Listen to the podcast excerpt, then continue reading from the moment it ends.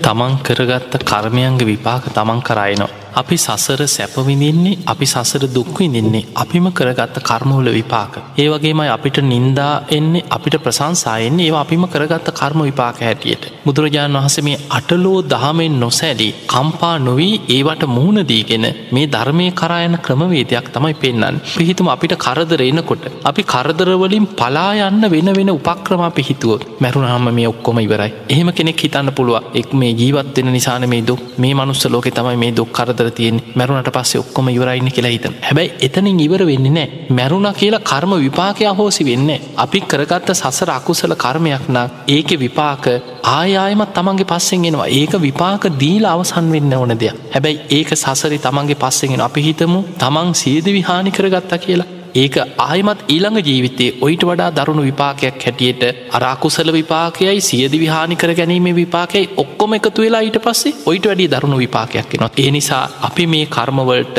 ධර්මය තුළින් හොඳ ඉවසීමෙන් කරුණාවෙන් මූුණ දීලා කරුණා මෛත්‍රය තුළින් ඒවා ගෙවාගන්න ක්‍රමයක් හොයා ගන්න ඕන. දැන් අපි හිතමු දැන් පටාචාරාව ගැන හිතන් හැබැයි නිවන් දැක්ක. බලන්න නිවන් අවබෝධ කරන්නත් පිනක් තිබුණ. හැබැයි නිවන් දකින්න පින තියෙනවා ගැනම පුංචි පහ පින නෙවෙනි සසරි. නිවන් අවබෝධකට පින තිබ්බ කෙනා හැබැයි ඒ ජීවිතය තුළ මොන්න දුකක් වින්දද? තමන්ගේ ස්වාමිය සර්පයෙක් දෂ්ට කළ මරණයට පත් වුණ. තමන්ගේ දරුවෝ දෙන්න තමන්ගේ ඇස් ඉදිරිපිටම මරණයට පත් වුණ. අවසාන කිසිම පිළිසරණක් නෑ එක දරුවෙක් ගගේ ගහගෙන ගියා එක දරුව එක කුක්කුසෙක් අරගෙන ගිය. අවසානයේ අම්මතාත්ත හොයාගෙන තමන්ගේ ගමට එනකොට පිළිසරණට හිටි එච්චරයි. එනකොට ඇතින් සෑයක දැවෙනවා. පේනවා මිනිස්සුන්ගේ අහනකොට කියන ඔයි සෑයි දැවෙන්නේ ඒ අම්ම තාත්ත ඊ මැරණයට පත් වුණ. එතකොට අන්තිමට එක්කම නේ දවසක තමන්ගේ පවුලි සියලු දෙනාම මරණයට පත්වන අපි දැක්ක සුනාමි වගේ විපත්වලදී. මේ රටේ සමහරලාවට මේ එක්කෙනා ඉතුරු වෙලා පවුලි හත්තට දෙනා මරණයට පත් වුණ. තමන්ගේ දෙමවපියන්ද දරුවන්ද ඥාතීන් සියලු දෙනා මරණයට පත් වුණ.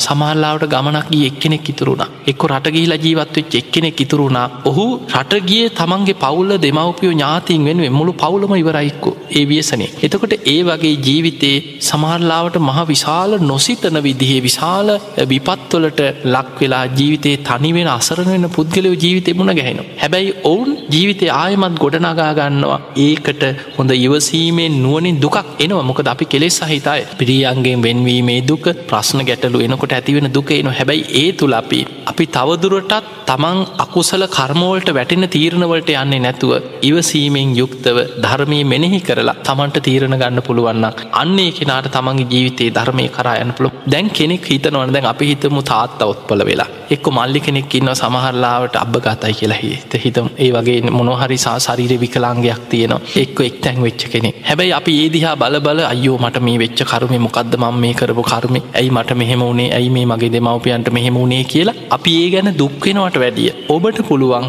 මට පිනක් කරගන්න ලැබිච් අවස්ථාව. මේ තාත්තට මේ මගේ දෙමවපියන්ට මේ අසරණ වෙච්ච වෙලා මට කරුණා මෛත්‍රියෙන් සලකන්න පුළුවන්න ඒ හිතන සිතුවිල්ලක් තුළ පවා මේ මළමුට රස් කරනකොට සුද්ධ කරනකොට නාවනකොට උනුවතුර එකක් වුණු කළ නාවනකොට බට්ටික කවනකොට ඒ හැම වෙලාම මට පිනක් රැස්සෙනවා නේද ඒ පින තුළින් මම සසර කරපු අකුසලයක් තියෙනවන ඒකත් ගෙවෙනවනේද. ඒ විදිහට කරුණාවෙන් මෛත්‍රියෙන් ඒ අය ගැන හැමවෙලාම කරුණා මෛත්‍රී සිතුවිලි ඇති කරගෙන තමන් වෙන කවරදාටත් වඩා පින් සිතුවිලි තුළම මේ කර නැප උපස්ථානව කරන්න පෙළබෙනවනම්. ඒ තුළ කරුණා මෛත්‍රිය පතුරුවනවන තමන්ට පුළුවන් භාවනාවක් හැටියට ඒ අය අරමුණු කරගෙන භාවනා කරන්න මෛත්‍රී භාවනා වඩන්. ඒ වගේම මේ මම විතරක් මගේ පවුල ඇ විතරක් නෙමේ මේ ලෝකෙ තව කොච්චර ඉන්නවාද. අපිට සමහර වෙලාවට අපේ පවුලෙ සිදුවීම හිතල අපිට හිතෙන්න්න පුළුවන් ඇයි මට මෙහෙම වුණේ මොකක්ද මං මේ කරපු කරම හැබැයි ලෝකෙ දිහා බලනකොට සමහලාට ඔබ ස්පිරිතාලකට ගහල ඔබ ඔබට ලෙඩක් හැදුනා ඔබ හිතෙන්න්න පුළුවන්. ඇයි මට මේ ලෙඩ හැදුන? ම මෙච්චර මෙහම ඉදල හැබැයි ස්පිරිතාලකට ගහිල බලපුහම් පේනවා. ඔබ වගේම සිය දහස් කනල් ලෙඩ්ඩු ඉන්න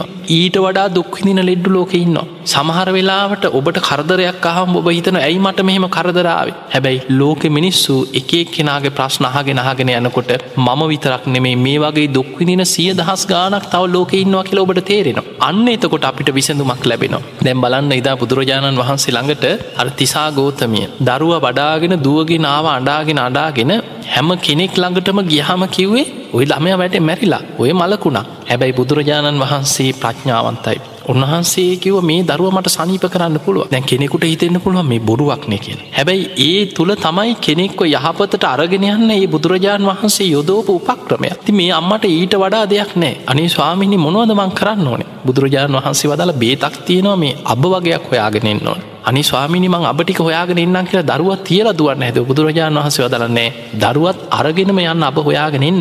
හැබැයි නොමලගේකින් අබගේන්න කියවා දැම් මේ අම්මට මේක නොමලගේ කියන එක මතක හිට්ටියට දරුව සනීප කරගන්න යෝනෑ දුවගෙන ගියා.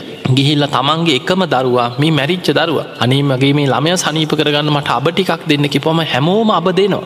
හැබැයි අපටික අතට අරගෙන අහනවා කවුරු හරි මේ ගෙදර මැරුණද මැරිච්ච ලිෂ්ටක කියාගෙන කියාගෙන අපි තාත්ත මැරුණ ආච්චි මැරුණ බාප නැති වුණ. මේටික අහගෙන යනකොට අබටික හෙම්ම දීලා අබ එපා කියලා ඊළං ගෙදරට දුවනවා. ඊළඟ ගෙදරට ගිහිල්ලා ඉවරලා ඒ ගෙදරින් අහනවා මේ අනේ මගේ දරුව සනීප කරගන්න අබ ටිකක් දෙන්න. අබ ටික දෙනවා. හැබැයි කවරුහරි මේ ගෙදර මැරුණද කියලා අහනකොට අර මැරිච්ච ලිස්්ට එක කියාගෙන යනකොට අබ ටික දීලා ඊළං ගෙදරට දුන ඔහොම ගෙයින්ගෙට යනකොට අන්න තමන්ටම තේරුණා මේ මගේ දරුව විතරක් නෙමේ මේ හැමෝගෙම ගෙවල්වල මිනිස්සු මැරෙනවා. මේ ගෙවල්වල කීදනෙක් මැල්ලද අර්ගෙදර කීදනෙක් මැල්ලද මේ ගෙදර කීදනෙක් මැරිලද? අන්නේ විදිහට තේරෙනකොට අන්න ජීවිතේ තේරුණා එනම් ඉපදුනානං හැමෝම් මැරෙනවා. මගේ දරුවටත් මේක උරුමයි. දැන් අපි හිතම කෙනෙ සමහලාට පිළිකාවක් හැදිච්ච කෙනෙ නිකන් ගෙදර හෝ මේ පවුල් පරිසරය තුළ පිළිකාවක් හැදුනහම යා හිතනවා අයෝ මේ පිළිකාවක් හැදිල මේක මහා පවකාරකම ඇයි මට මෙහෙම වුණේ හැබැයි මහරගම් පිළිකාරෝහල්ට ගිහිම් බලපුහම තේරෙනවා මම විතරක් නෙමේ. කී දාහක් ඉන්නවද? කොච්චර පිළිකාරෝගෙන් ඉන්නද පුංචි දරුවන්ගේ පටන්. සමහල්ලාට කෙනෙක් හිතනවා මේ පොඩි ළමයින්ට එහෙම නෑ කියලා. පොඩි දරුවන්ගේ පටන් වයස් බේදයක් නැතුව මේ පිළිකා හැදිල දුක්විදින දරුව දකිනකොට හිතෙනවා ඒනම් මම ඒ සිය දහස් ගානකින් එක්කෙනෙක් විතරයි. ඒ නිසා අපිට ඇතිවන ප්‍රශ්නවල මේ අපිට විතරක් නෙමේ.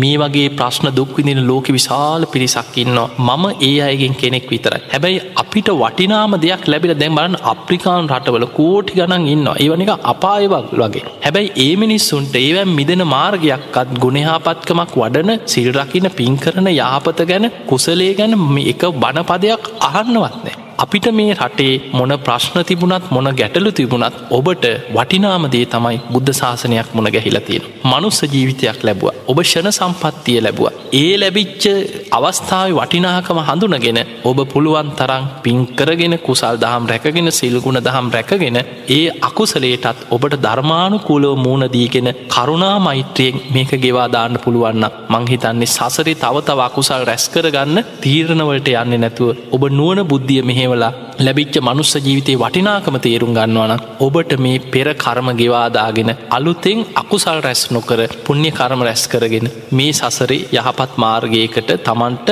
සැප සහිත මාර්ගයකට නිවන කරායන මාර්ගයකට ජීවිතය සකස් කරගන්න පුළුවන්කම තියෙනවා.